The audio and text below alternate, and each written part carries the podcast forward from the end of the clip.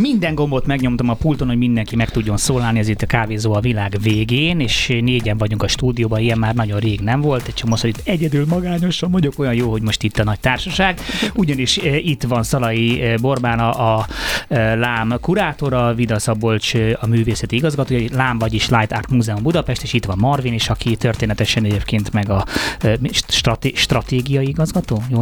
Operatív? Operatív, operatív. Na, tudtam, hogy valami hasonló kifejezés, és itt vagyok én, megvenem Márk, és hát... Mr. Wolf más néven. Mr. Wolf is itt van, igen, bár nem vagyok annyira precíz, mint Mr. Wolf sajnos. És akkor kezdjük ott, hogy, hogy egyáltalán, ha valaki esetleg még nem hallott volna valahol, nem tudom, a tenger mélyén töltötte az utóbbi egy évet, és nem hallott még a lámról. Mi a lám? Mit jelent az, hogy filmművészeti múzeum, hogyha egy kicsit így tudnátok vázolni, hogy ez mitől más, mint egy sima múzeum? A Light Art Múzeum Budapest az um, tavaly nyitotta meg a kapuit, és, um, és valóban a, a nevéből is adódóan filmművészeti alkotások bemutatásával foglalkozik. Um, ezek az alkotások a technológia, tudomány és a művészet keresztmetszetében jöttek létre. Talán, De talán. Talán, talán ez a leg, legkönnyebb definíciós kísérlet. Um, alapvetően a fény, a fény tematizálásán keresztül próbálunk kortás témákat feszegetni a képzőművészet eszközeivel. Bori, esetleg neked van ehhez valami hozzáfűzni? Bocsánat, hogy le, le, Boris, Boris, borizhatlak? Jó, jó, valahogy, valahogy azt éreztem. Nincs, nincs. Nincs, tehát helyes, helyes volt a definíció. Ö, az azért egy szokatlan dolog, hogy, hogy egy szokatlan helyszínen, tehát egyrészt ez a Hold utcai piacnak a helyén van ez a, ez a, ez a kiállítás, és egyáltalán azért az, hogy valaki magán tőkéből létrehozzon egy, egy, egy ilyen kiállítást, és egy ilyen helyszínen, erről tudtok-e valamit, hogy, hogy az alapítóknak honnan jött ez az egész, egész agylövés, hogy akkor egy ilyet kell csinálni, és miért pont ott? Az alapítók Klinkó György és Laki László, ők régóta foglalkoznak, foglalkoznak művészeti produktumokkal, és, és ilyen formán a fényművészet, a mapping és egyéb, egyéb kapcsolódó területek is, is, a, is a érdeklődésük központjába álltak. Úgyhogy szerintem, szerintem részükről is könnyen érthető az, hogy miért, miért gond gondolkodtak egy ilyen múzeum megalapításába, és amúgy is uh, régóta igény volt arra, hogy ilyen műtárgyakat bemutassunk, uh, bemutasson bárki múzeumi keretek között. Uh, mivel De hol, kinek, kinek volt, hol jelentkezik egy ilyen igény?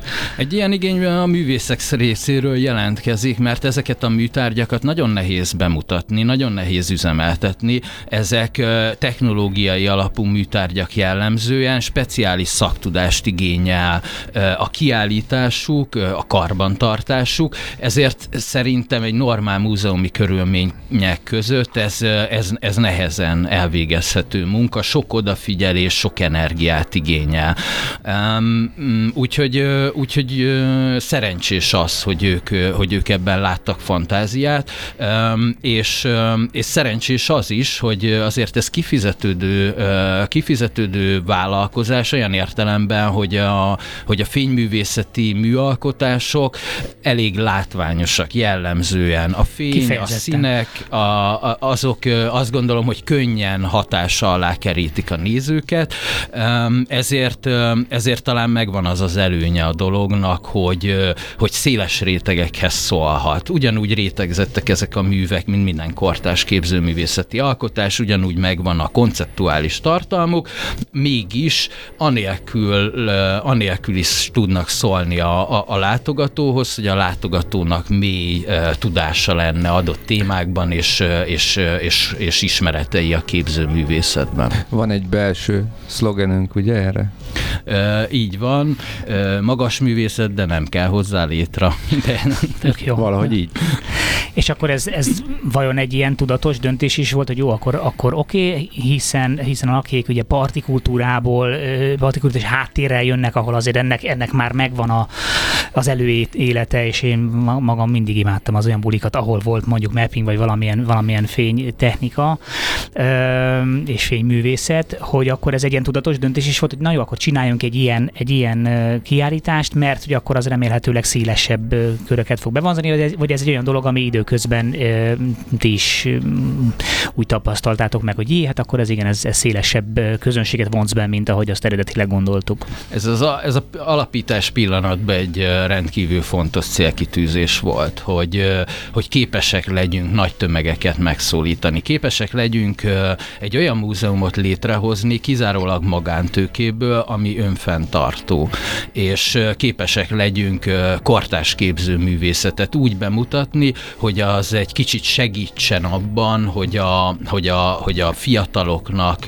lebontsa az ellenérzéseit a klasszikus YQ múzeumi terekkel szemben. Úgyhogy ez egy, ez, ez egy alap, alapgondolat volt, alapcélkitűzés volt. De azért ez egy kicsit kétélű fegyver is, mert hogy akkor viszont azért azt gondolom, hogy van, aki esetleg úgy áll ehhez, hogy ja, hát akkor ez viszont művészeti szempontból nem képvisel olyan magas művészeti fokot, mert hogy ez csak akkor egy, nem tudom, egy, egy jól instagramozható valami, tehát gondolom kaptok esetleg a szakmától mondjuk ilyen visszajelzéseket, hogy akkor, akkor ez esetleg nincs, nincs, nem, nincs pariba mondjuk egy, egy, egy fest, festészeti kiállítással. Az, e, az elmúlt egy évben sokat, sokat foglalkoztunk azzal, hogy megszólítsuk a szakmát, mert mi tudjuk, hogy, ez, hogy, hogy ezeknek a műalkotásoknak ugyanolyan, ugyanolyan rétegei, ugyanolyan művészeti kvalitásai vannak, mint bármely egyéb minőségi kortás képző művészeti alkotásnak. Um, az egy dolog, hogy ti tudjátok, de mondjuk a szakma én, is elismeri én, ezt. Én azt gondolom, javíts ki, nem így van, hogy maximum ez gondolhatta addig a pontig, amíg el nem látogatott hozzánk, mert nem hiszem, hogy amikor már akár az elsőn, vagy akár majd most jön valaki, aki nagyon szakmabéli, hogy, hogy úgy menjen el, hogy ugyanazt mondja, amit az előbb elmondtál. Ezt teljesen kizártnak tartom. Igen. Igen. Voltak, tehát hogy hallottuk, éreztük, hogy van egyfajta értetlenség a szakmában, a semmiből jelentünk meg, hirtelen nagy látogatottságot produkáltunk, hát de de, de én, én ezt úgy látom, hogy, hogy ugyanolyan problémákat ö, tematizálnak ezek a műalkotások, mint bármely más kortás képzőművészeti alkotás. Egyszerűen arról van szó, hogy a technológia és a tudomány felhasználásával mindezt képesek, ö, képesek a kornyelvén ö, ö, vizualizálni, átadni, kommunikálni, és ez, egy, és ez egy nagyon nagy előny akkor, amikor meg akarjuk szólítani a, azokat, akik eddig adott esetben távol voltak a képzőművészettől. Ö, igen, talán avval egészíteném ki, hogy avval egészíteném ki, amit Szabolcs mondott, hogy ö, ennek a mostani kiállításnak, aminek Super Luminál a címe, ö, én vagyok az egyik kurátora, és Bencsik Barnabás a másik, és ö, mi mindketten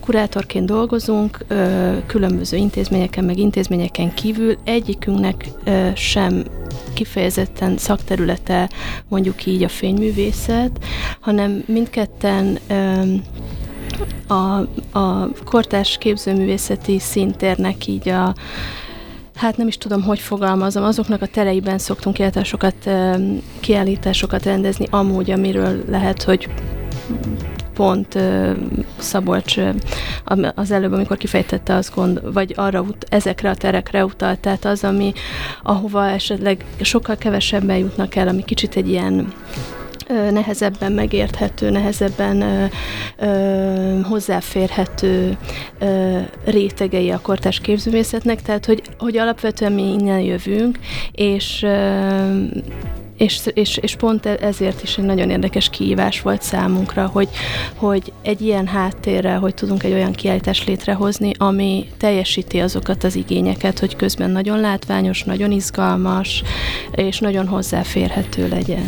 Félreértés ne én nem vonom kétségbe a kiállítás művészeti értékét, csak mondjuk így a, az emberi pszichológiát ismerve általában mondjuk, ha valaki egy, egy egy kevéssé népszerű kulturális ágazatból jön, akkor nyilván hamar féltékenyé válhat, hogyha azt látja, hogy oké, okay, az én kiállításomra eljött pár száz ember, itt pedig megjelentek ezek a suhancok a semmiből, és akkor egy ilyen színes csillivilli villogó valamit raknak oda, hogy akkor, akkor, akkor nyilván ezt úgy próbálja magát is ezzel megnyugtatni, hogy akkor ez biztos nem ugyanazt az értéket képviseli. Tehát én erre, erre céloztam ebben, hogy azért így azt gondolnám, hogy nem könnyű nektek a, a, a szakmában elérni az, hogy, hogy egyenértékű művészeti kiállításként tartsanak titeket számon.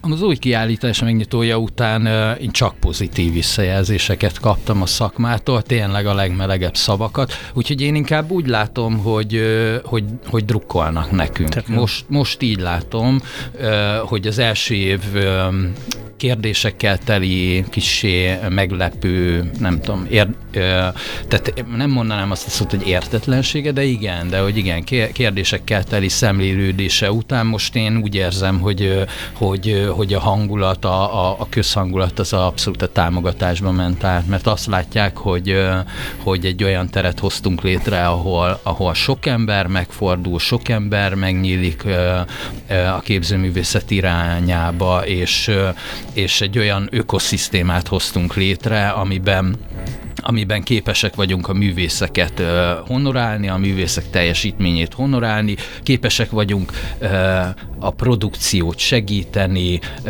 anyagi támogatással, szakmai támogatással, kiállítási lehetőséggel, és ez, és ez szerintem nagyon hiányzott a magyar, magyar művészeti életből. Hát hogy ne, hiszen a művészetnek tényleg az, az lenne a legfont, legnagyobb szerepe, hogy minél több emberhez eljutassa azokat a gondolatokat, mert hogyha most egy maroknyi ember, aki egyébként is nagyjából ezeken a témákon filozofálgat, ahhoz azt meg tudja szólítani, az, azzal valójában nem tölti be a funkcióját. Tehát én mindig is azt gondoltam, hogy, hogy valahol, tehát ez nem, a, a, a, a populizmus az nem, tehát és itt a jó értelmében, mert populizmus az nem üti a, a művészeti értéket, tehát hogy mondjuk nem tudom, a, a, ha, ha szabad ilyen profán példát hozni, mondjuk a Matrix, mint, mint Matrix egy, mint film, egy ö, olyan filozófikus, buddhista gondolatokat tudott mondjuk nagyon-nagyon széles körben elhinteni, ami szerintem óriási teljesítmény, mert hogy, mert hogy ezekhez az emberekhez ez nem jutott volna el. Tehát, hogy ez nyilván egy nagyon-nagyon fontos, fontos dolog, és tök jó, és majd erre vissza is akarok térni, mert ugye itt ebben a műsorban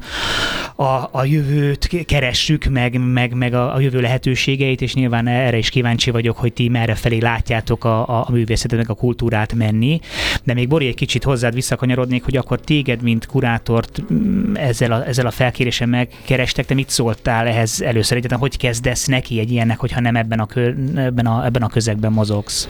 Hát elég nagy kutatás volt ennek a szakasznak az elején, ami számomra is nagyon izgalmas volt, mert nyilván az, tehát az, hogy, hogy egy mű látványos is legyen, és mindenféle korosztályt és mindenféle embert ugyanúgy meg tudjon szólítani, az nem volt, tehát az a munkám során általánosságban nem egy elsődleges szempont, uh-huh. őszintén szólva.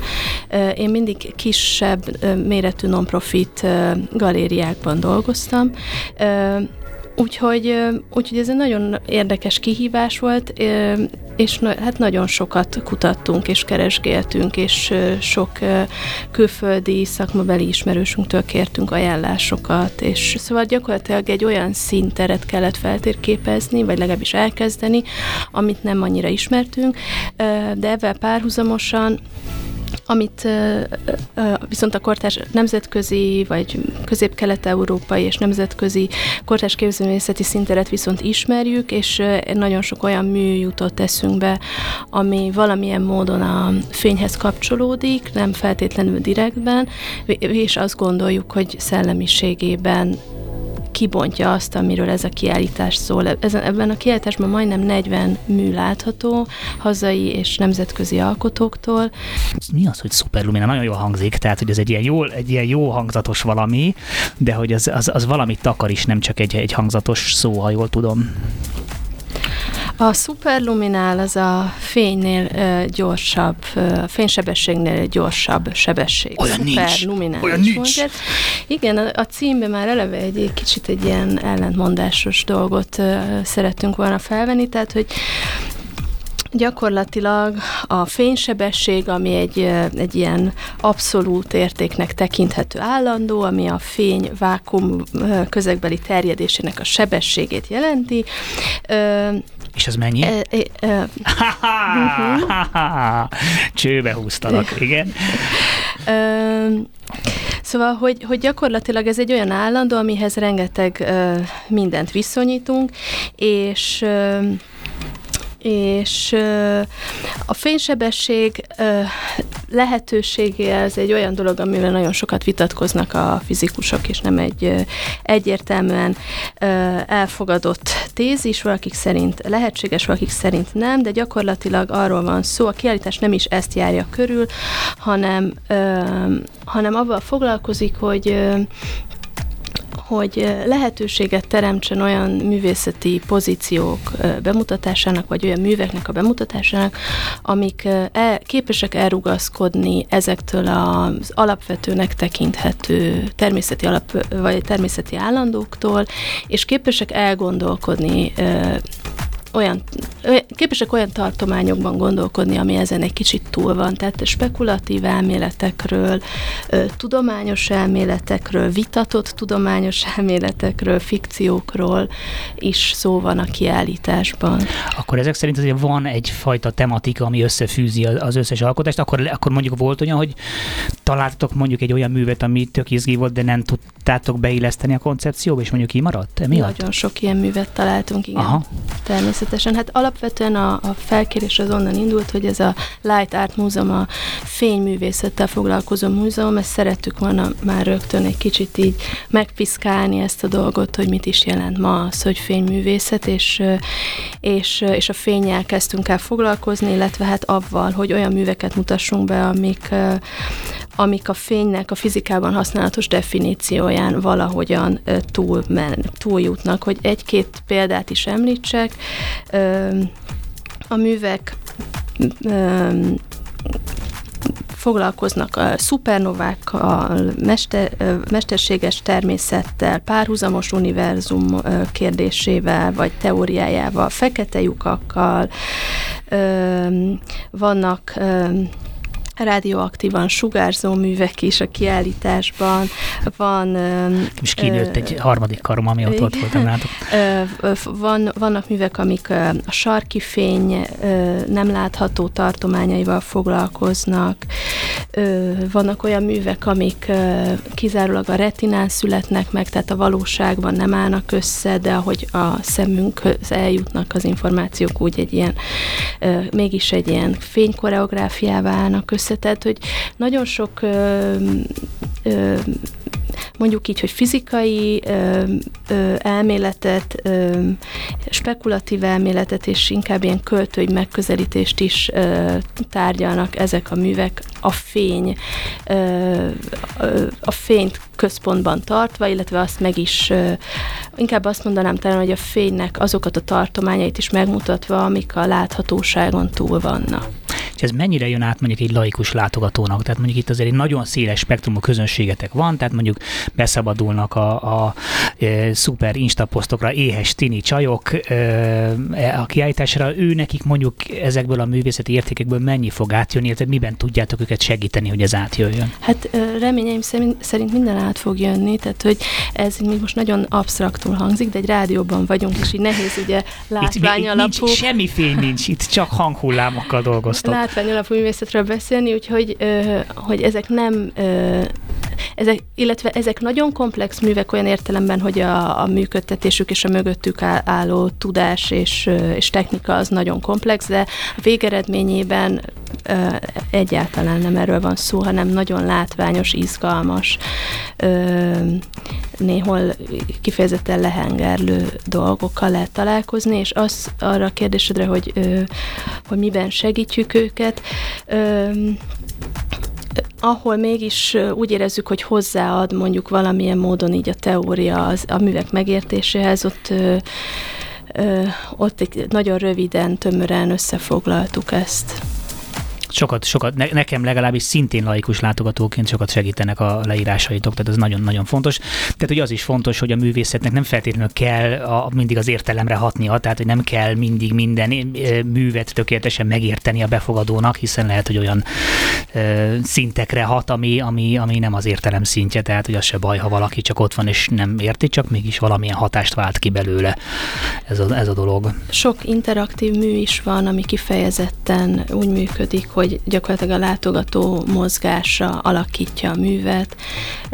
Több olyan tér is van, ami úgynevezett immerzív tér élményt ad, tehát így körülöleli gyakorlatilag a látogatót, és egy ilyen nagyon izgalmas látványvilágnak a közepén találja magát.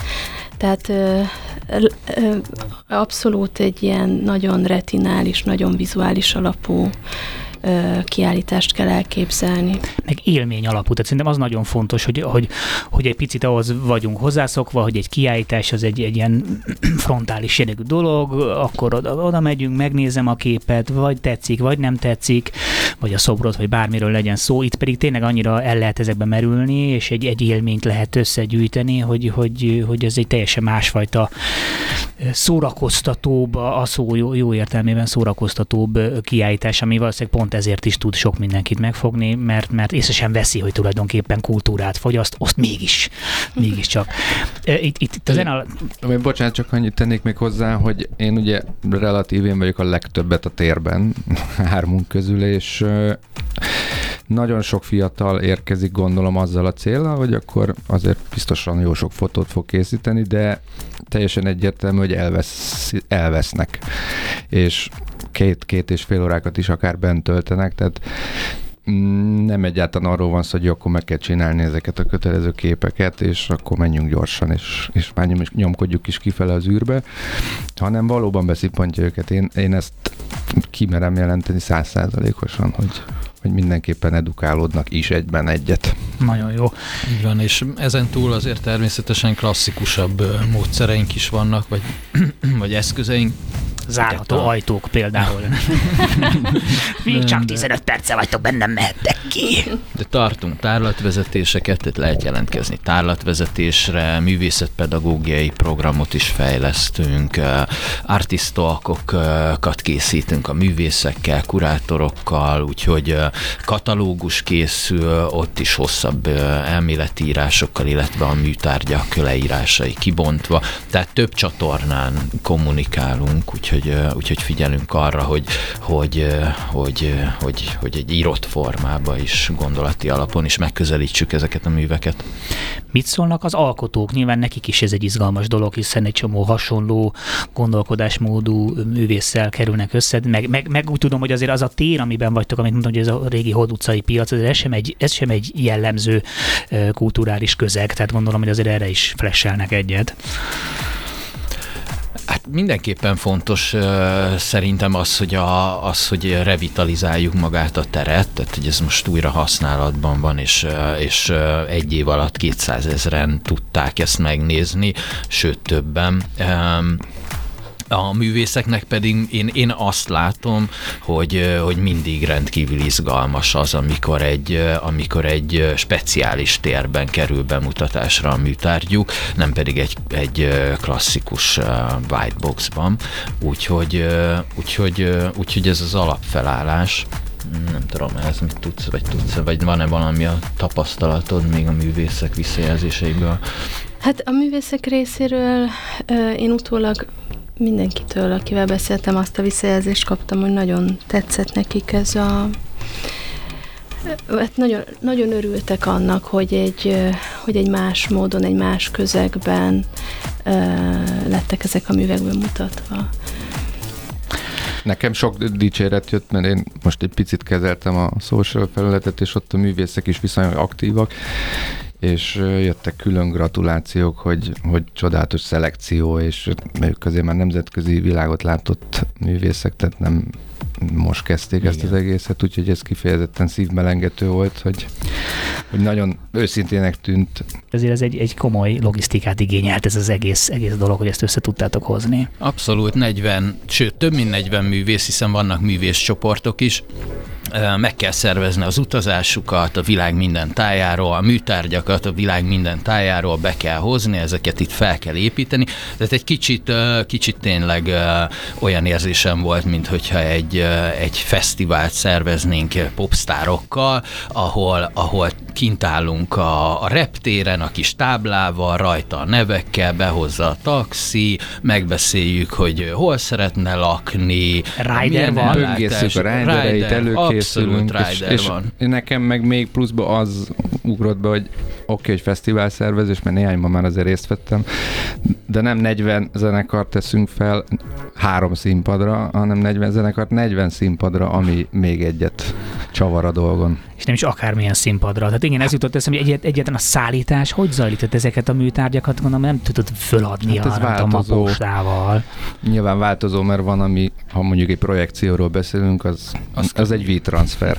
Igen. De Az az, az viszont, amire megy, megy a projekció, az viszont lehet, hogy elképesztően bonyolult. Lásd a, Így a van. korona ékszerünk. Így van, a központi, az egyik központi alkotásunk a, a vásárcsarnok közepébe felfújt uh, légballon, Zeppelin. Zeppelin, igen. 2000 négyzetméternyi vetítőfelületet, 12 ipari méretű projektorral, és hozzá egy olyan ö, szerverrel, ami képes is ezt, ö, ezeket a projektorokat meghajtani. Tehát ez nyilván egy, a, egy olyan technikai ö, truváj, ami, ami amúgy egyedülálló a világon.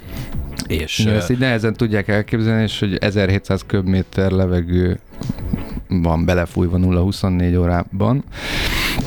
És, Hiszen, hogyha egyszer ezt kikapcsol, akkor az egész összeesik, hát azt, nem, akkor azt, azt nem lehet. Mhm. Esett már össze. így van, volt már rá példa. Ezt nem szeretjük. Azt megértem.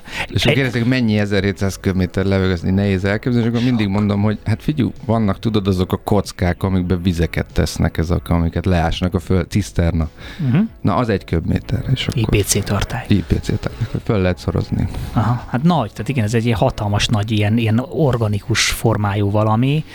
Az, az ugye már az előző tárlatban is ö, ott volt, a, arról de azért meséltél izgalmas dolgokat, hogy ezt egyáltalán hogy, hogy lehetett megvalósítani, tehát hogy egy, ez, ez, ez, ki csinálta, hogy csinálta, hogy raknak össze egy ilyet, kész fordulsz, hogy szeretnék egy 1700 méteres, nem tudom, amorf valami lufit. Hát ez lehet, hogy kicsit szárazabb téma. Lényeg az, hogy ez kellett egy komoly tervezés, tervezőembertől. Öm, Kellett hozzá nyilván egy szakember, aki amúgy nem csak léghajókat tud gyártani, hanem alapvetően ilyen ballonokkal foglalkozik, akinek megvan hozzá a technikája konkrétan egy, egy ilyen csarnok, ahol, mert ugye ezek van két és fél kilométer varrás benne, és ugye ez nem úgy van, hogy egy varrógép mellett ülsz, és itt tolod az anyagot, hanem itt, itt a varrógépet tolod az anyag mellett, Mhm.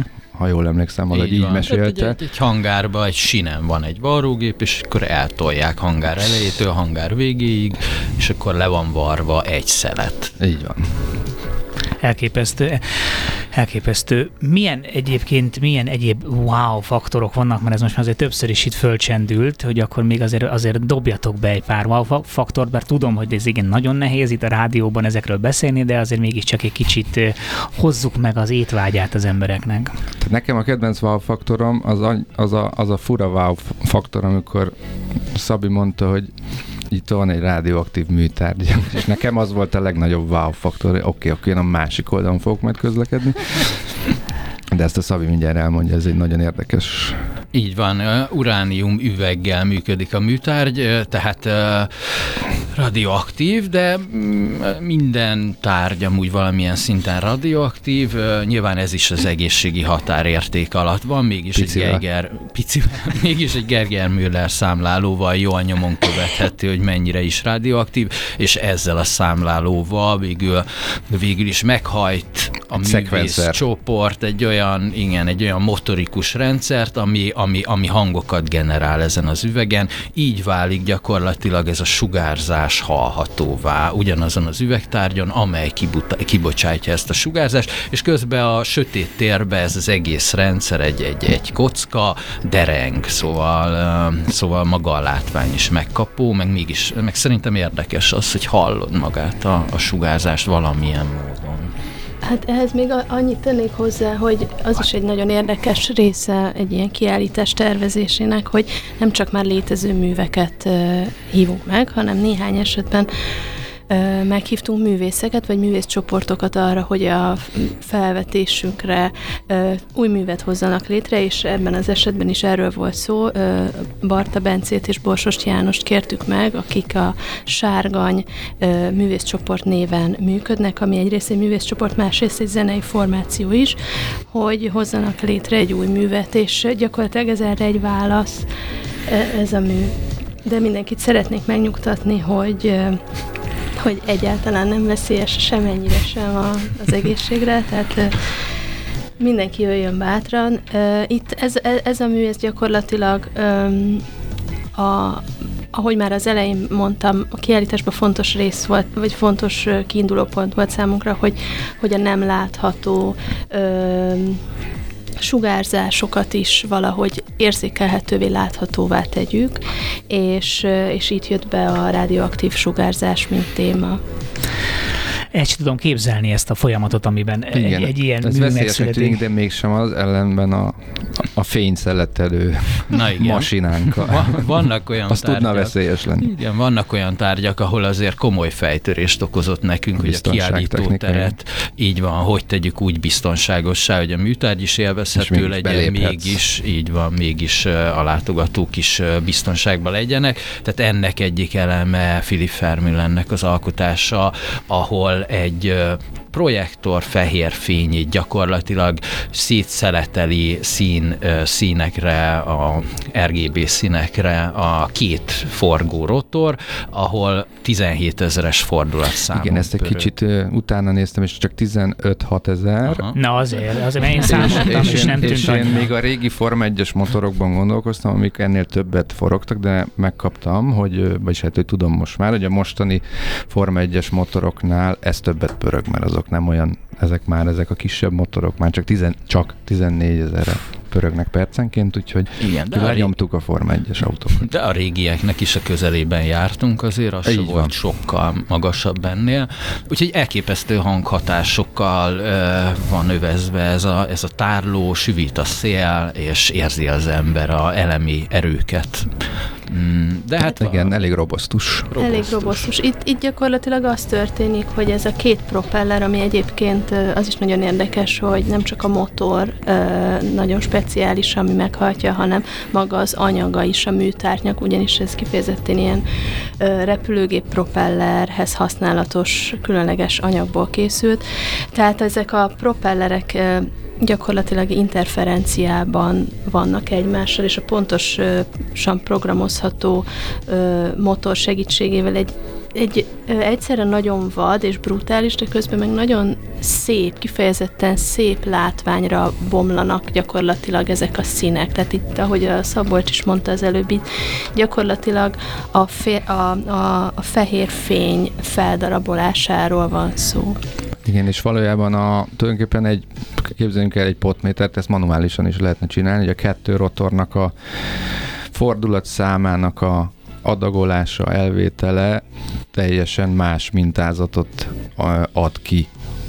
Éppen, hogyha csak egy, egy 50-nel leveszed az egyiket, akkor már egy más ábrán keletkezik.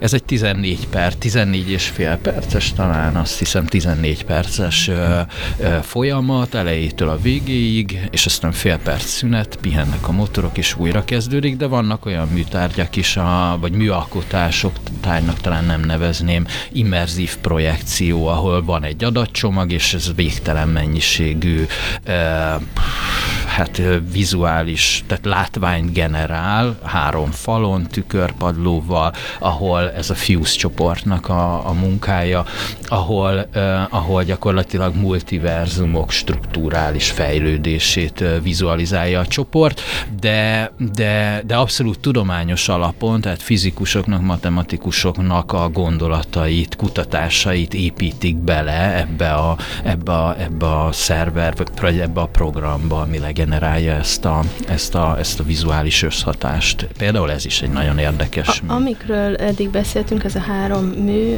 mind, mind a három nagyon technológiai, és és nagyon sok ilyen mű van még, ami vetítés alapú, nagyon komoly technikai hátteret igényel, de nem csak ilyen művek vannak a kiállításban, vannak kifejezetten analóg művek is, és Pont erre még talán rá. nekem mondjuk a wow faktor az, az, az, az leginkább például, vagy e, például egy, egy wow faktor Zsilvinász Kempinásznak a, a Fehér Zaj című installációja, ami gyakorlatilag olyan, hogy egy hatalmas teret látunk, hátulról egy ilyen, egy ilyen világít hátulról egy fény nagyon erősen, és olyan, mint a régi fekete-fehér tévéken az adáshiba, tehát azt látjuk, mint hogyha ilyen kis, hogy hívták ezt? Hangya, igen. Hát az adás, szünet, adás szünet volt végül adás is. szünet, tehát amikor gyakorlatilag így zsizseg a képernyő, egy ilyet látunk, elképesztő nagy méretben, mégis nagyon valami furcsaság van ebben a térben, nem értjük, hogy mi történik, és ha közel megyünk, akkor válik érthetővé, hogy itt gyakorlatilag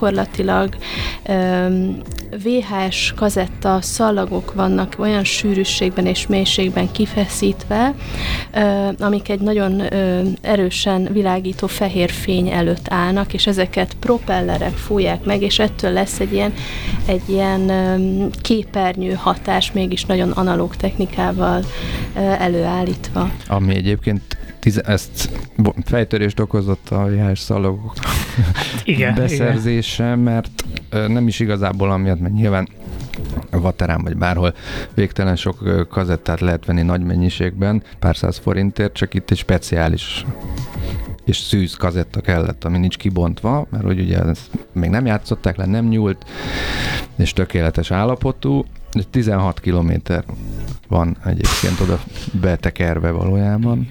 Hát ezt a művész egy hétig, uh, hétig is Meditatív találta, módon. Igen, és uh, meg is kért bennünket arra, hogy lehetőleg csendben, mert hogy neki ez egy meditatív folyamat, ezt az egy hetet ő csetben szeretné végig installálni.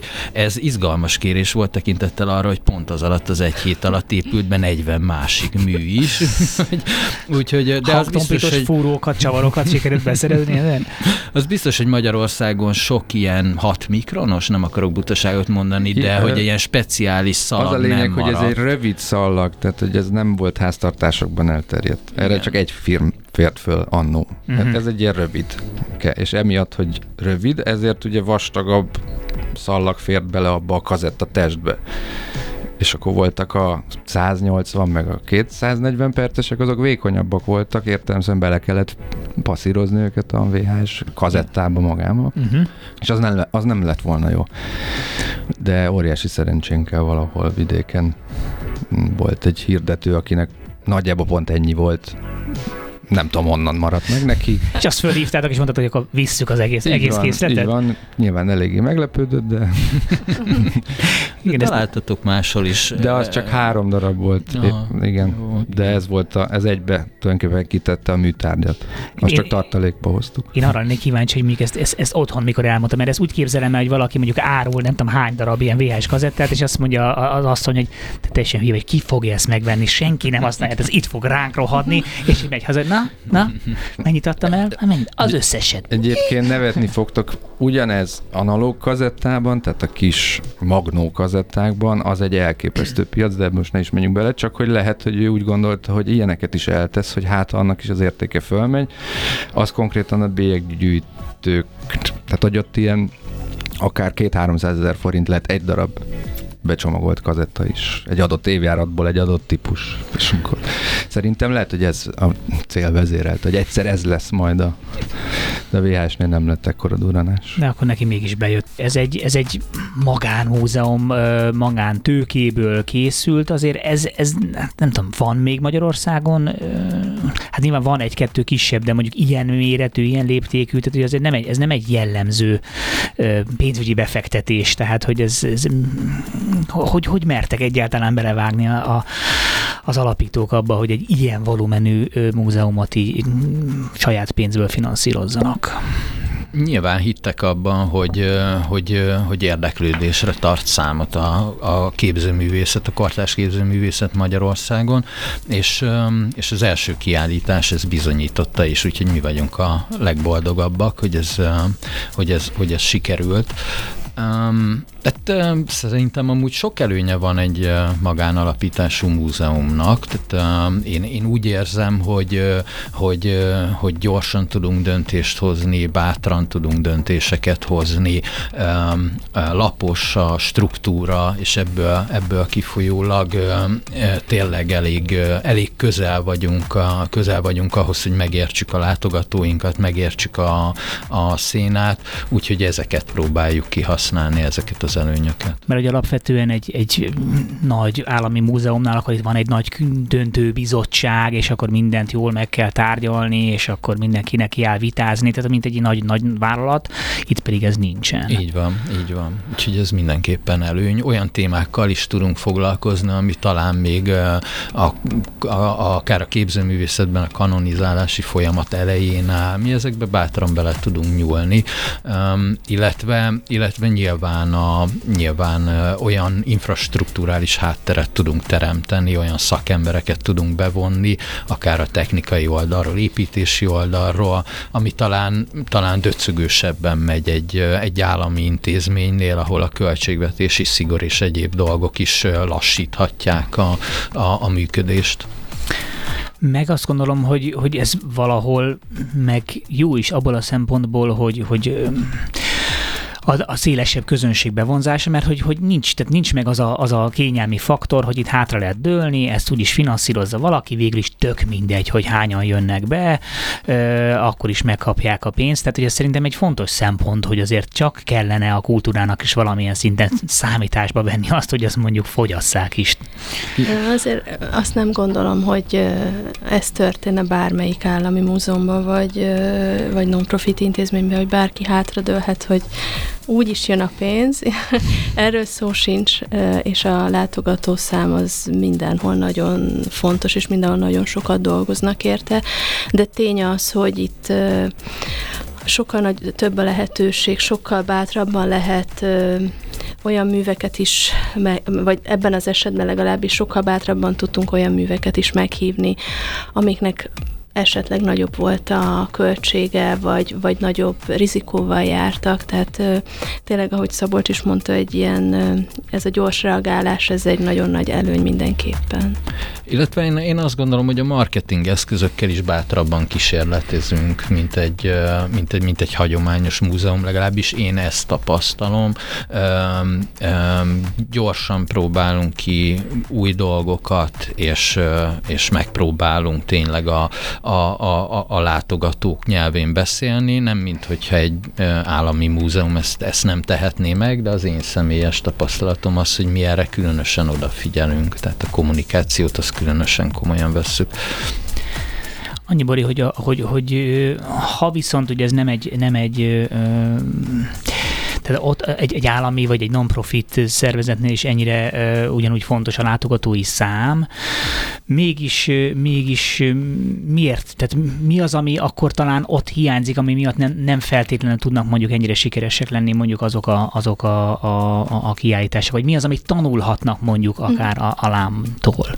Hát Elsősorban a pénz az egy nagyon nagy különbség, tehát az, hogy mennyit tud investálni egy intézmény a, magába a kiállításba, a kommunikációba, stb. Tehát nyilván ezen nagyon sok múlik. A másik az meg egy, az egy, az egy nagyon összetett kérdés szerintem, és nyilván erre most itt nem lesz időnk, de az, hogy, hogy, hogy mi a kortárs képzőművészet megítélése Magyarországon, és hogy ezen hogy lehetne dolgozni, hogy ez jobb legyen, és többekhez eljusson, és, és valahogy hogy lehetne le, mm, lebontani azokat a azokat a félelmeket, amik, amik a látogatókba kialakultak a kortás képzőművészet kapcsán, ez egy hosszú, ez egy nagyon hosszú folyamat, és nagyon sokan dolgoznak ezen. Amit szerintem lehet... Bocsánat, a... hol ment ez el vajon? Tehát miért, miért alakul ki egy félelem a látogató részéről a kortás művészettel szemben? Hát ez, ez tényleg egy nagyon összetett dolog, tehát egyáltalán az, hogy, hogy milyen segítséget nyújt az adott intézmény a, a látogatónak, milyen mankókat ad kvázi a megértéshez, hogy az a szöveg, amivel találkozik, az, az elég velőse, elég lényegre törőe, elég rövide, például ez egy a tényleg rengeteg eszköz közül, ami egy intézménynek a, a kezében áll. Nyilván ezer másik dolog is, hogy hol helyezkedik el az az intézmény, nem mindegy, hogy a, az ötödik kerület szívében vagyunk egy, egy, egy, egy nagyon impozáns épületnél, vagy a város szélén egy, egy kortárs képzőművészeti múzeumnál, ezek mind nagyon fontos tényezők, de amit szerintem mindenképpen én legalábbis tanultam ebből a dologból nagyon sok minden, de az egyik az az, az hogy hogy ide nagyon sok család jár ebbe a, ebbe a múzeumba, és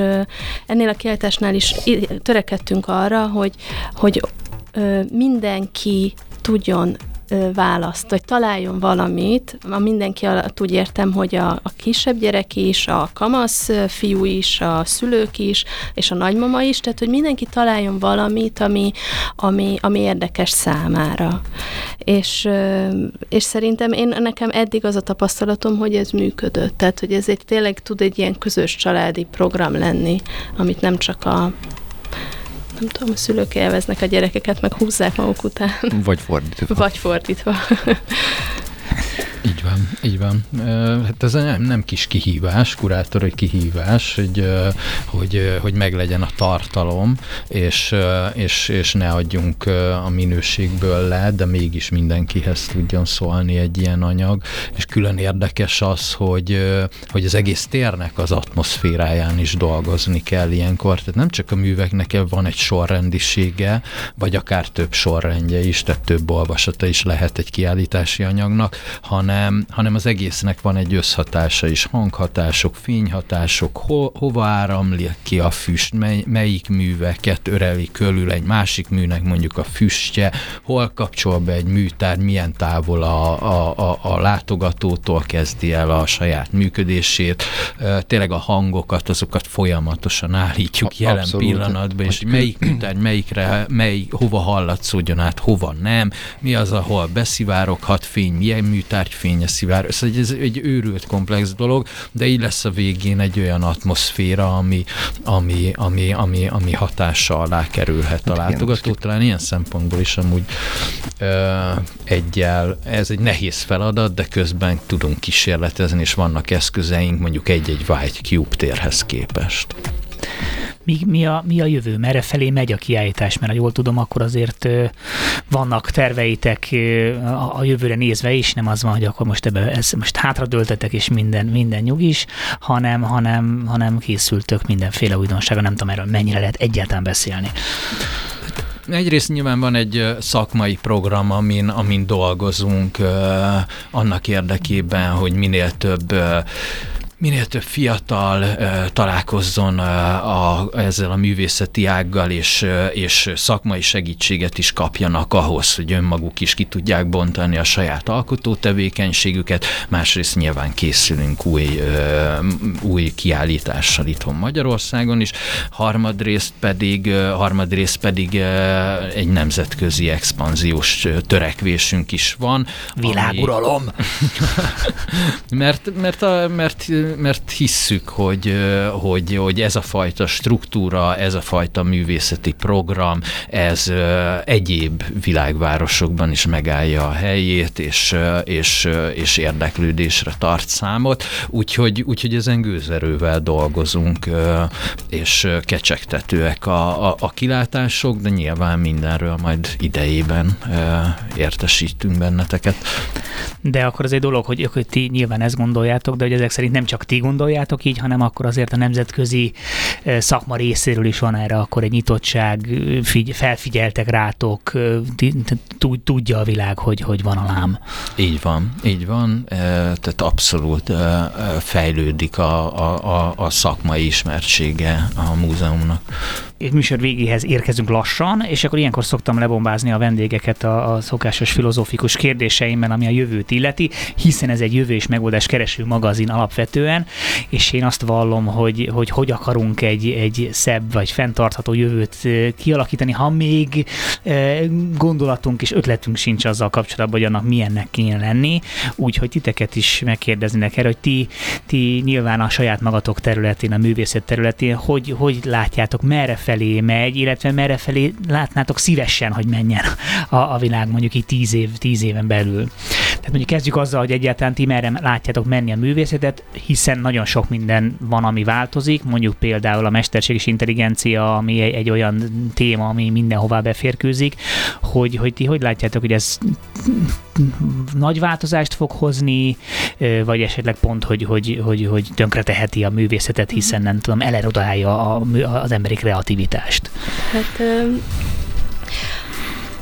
Abszolút, ez, ezek abszolút olyan kérdések, amivel a kortás képzőművészetek, képzőművészek folyamatosan foglalkoznak, és ha már itt ennél a kiállításnál tartunk, ebben a kiállításban is nagyon sok mű van, ami ilyen kérdéseket e, tárgyal. E, most így legalább három vagy négy mű jut eszembe rögtön, de lehet, hogy több is van a kiállításból, amik kifejezetten a mesterséges intelligenciával foglalkoznak, tehát nem csak, hogy használják, hanem tematizálják is ennek a lehetőségeit, illetve az, hogy, hogy milyen kapcsolódás lehetséges a mesterséges intelligencia és a természetesség, tehát, hogy a természetben megfigyelhető apró mozzanatok, véletlenszerűségek, hibák, azok hogy hozható közhangba a mesterséges intelligenciával.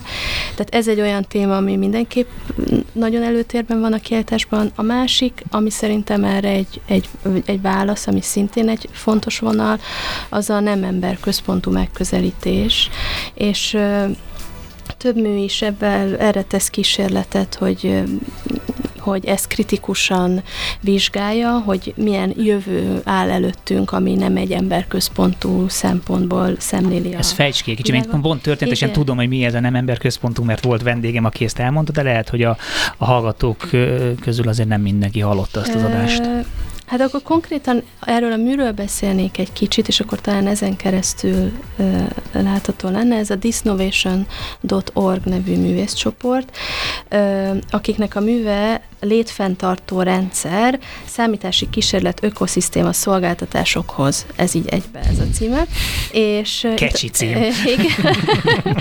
és itt gyakorlatilag arról van szó, tehát ez egy kritikus mű, és itt például arról van szó, hogy, hogy ér, mit tekintünk értéknek, és a, a, most nagyon, megpróbálom nagyon tömören összefoglalni, tehát gyakorlatilag az érték fogalmával foglalkozik, hogy ö, minden, ami gazda, tehát a világunkat a gazdasági fogalmak mentén ö, értelmezzük, és azt tekintjük ö, értéknek, ami gazdasági fogalmakkal kifejezhető, vagy legalábbis van valamiféle pénzbeli értéke, és ö, ami nyilván egy, egy, egy emberközpontú megközelítést ö, ö, feltételez, és gyakorlatilag itt konkrétan arról van szó, hogy a kiállító térben egy, egy négyzetméternyi búza nő egy zárt környezetben, ahol a rendszer méri a, a különböző vizet, tápanyagokat, stb., ami ehhez szükséges, illetve monitorozza azt, hogy ez egyrészt hogy nő, másrészt az, hogy ez hogy lehet számosítani, tehát hogy lehet gyakorlatilag pénze, pénz, pénzesíteni, vagy legalábbis és hogy lehet az értékét pénzben megfoga, megfogalmazhatóvá tenni. És és gyakorlatilag egy ilyen arra hívja fel a figyelmet, hogy, hogy a természetben ö, körülöttünk lévő ö, ö, javaknak, mint a napenergia, vagy a föld, stb. stb. Ö, semmilyen értéket nem tulajdonítunk addig, amíg ez ingyen elérhetőnek tűnik. És, ö, és ezt kritizálja, és gyakorlatilag azt mondja, hogy ö, egy, egy bármiféle politikai, ö, társadalmi léptékű változáshoz először arra van szükség, hogy megreformáljuk kvázi a szókészletünket és a gondolkodásunkat ezzel kapcsolatban. Ez csak egy mű, több mű is foglalkozik ebben tervvel, csak próbáltam egy kicsit így konkretizálni. Igen, igen, egy csomó, egy csomó izgalmas gondolat jut nekem is rögtön eszembe ezzel kapcsolatban, de annyi nincs, annyi nincs a műsorban, hogy ezeket kifejtsem, az agymenéseimet, de hogy, hogy igen, tehát ez, ez egyébként azt támasztja alá, amit én egyébként gondolok például a mesterséges intelligencia megjelenéséről, hogy szerintem semmi olyan új eszköz, ami mondjuk me- megjelenik az ember számára, az, az, nem, az nem lehet hátráltató, hanem inkább előre mozdító, tehát ez mind eszközök és mind lehetőséget kínálnak, tehát én azt gondolom, hogy, hogy, hogy ezen a területen legalábbis izgalmas újdonságokat fog hozni a mesterséges intelligencia és az ember közreműködése és kooperációja, tehát én, én ilyen szempontból itt, itt, itt bizakodó vagyok, és ebben biztos vagyok, hogy nálatok is jelenik majd meg ilyen jellegű dolog. Szabi, te, te, te hogy látod neked mondjuk milyen, mondjuk akkor menjünk a, a kérdés másik felére, hogy te, te merre felé látod haladni a, a, a kultúrát és a művészetet, és mit látnál szívesen mondjuk tíz év múlva mondjuk milyen művészetet látnál szívesen, ha rajtad múlna? Egy ilyen egyszerű kérdés. Rendkívül egyszerű kérdés. A, hát alapvetően a kritikai, a kritikai attitűd a legfontosabb, és természetesen a mesterséges intelligencia az, az része lesz az életünknek, de én nem látom, nem látok semmi fajta problémát, nincsen félelmem ezzel kapcsolatban. Ezt is tematizálni fogják a művészek, dolgozni fogják, fognak vele, használni fogják, és, és, és kiátszák adott esetben önmaga ellen annak érdekében, hogy megmutassák ennek az egésznek a, az, a árnyoldalát, gyengeségeit, lehetőségeit, úgyhogy ez, ez szerintem is egy fontos, erre. Itt most akkor rákötök a, a Bori gondolatára, ez egy rendkívül fontos, fontos irány, de hogy bennem félelem ezzel kapcsolatban nincs, ez inkább ez, a, ez, a, ez az örök optimista, hogy már pedig, már pedig mindent előbb-utóbb jól fogunk használni. Szerintem gondoljuk végig, hogy zenében, grafikus körökben, Photoshop 2.0, dobgép 2.0. Szerintem inkább így kéne gondolni az embereknek, mint hogy a frászt hoznák magukra. Tehát amikor megjelent egy dobgép annak idején, vagy mint Photoshop, mint program, hát az, az szerintem az akkor még durvábban hathatott, mint mondjuk mondjuk itt az AI integrálása ezekbe a eszközökbe, programokba. Igen, szerintem is csak tágítják a horizontot, a, a, és lehet, hogy olyan emberek is meg tudják majd mutatni egyébként a tehetségüket, akiknek mondjuk ez nem, nem, nem kaptak mondjuk klasszikus képzést, tehát ha már az, a zenei hasonlatot hozzuk, ugye az elektronikus zene is ezt hozta, hogy olyan emberek, akik egyébként mondjuk nem tudnak nagyon jól hangszeren játszani, mégis ki tudtak teljesedni, tehát ezt valószínűleg ezt gondolom, hogy ez, ez, ez, ez, ezt a lehetőséget fogja hozni, demokratizálja a művészetet, reméljük. Hát ez, ez, ezen a ponton kell, hogy abba hagyjuk, mert hogy lejárt a műsoridőnk. Nagyon szépen köszönöm nektek, hogy jöttetek. Gratulálok a, a, a Superluminálhoz és a kiállításhoz, illetve a kiállításhoz, és, és kíváncsian várjuk a fejleményeket. Köszönjük, Köszönjük szépen. szépen. Köszönjük szépen, és akkor még fontos technikai információ. Hánytól hányig lehet meglátogatni a kiállítást? Meddig vagytok Minden nyitva? nap 10-től 10-ig. 10-től 10-ig, ez könnyű megjegyezni. Na jó, hát köszönjük szépen. Akkor mi pedig jövünk jövő héten is lesz kávézó a világ végén, addig is ez az adás ez ismétlésre kerül, fölkerül a Spotify-ra is, meg a többi podcast platformra is, és Pogácsa Zoltán lesz a vendégünk jövő héten, akivel hát nyilván ilyen már teljesen más témat, közgazdaságtan, és annak a, a közgazdaság lehetséges irányairól lesz szó. Ho, ho, Marvin már forgatja, hogy mibe, mibe mászott bele. Nem, jó lesz, izgi lesz, tartsatok velünk akkor is, sziasztok! Hello!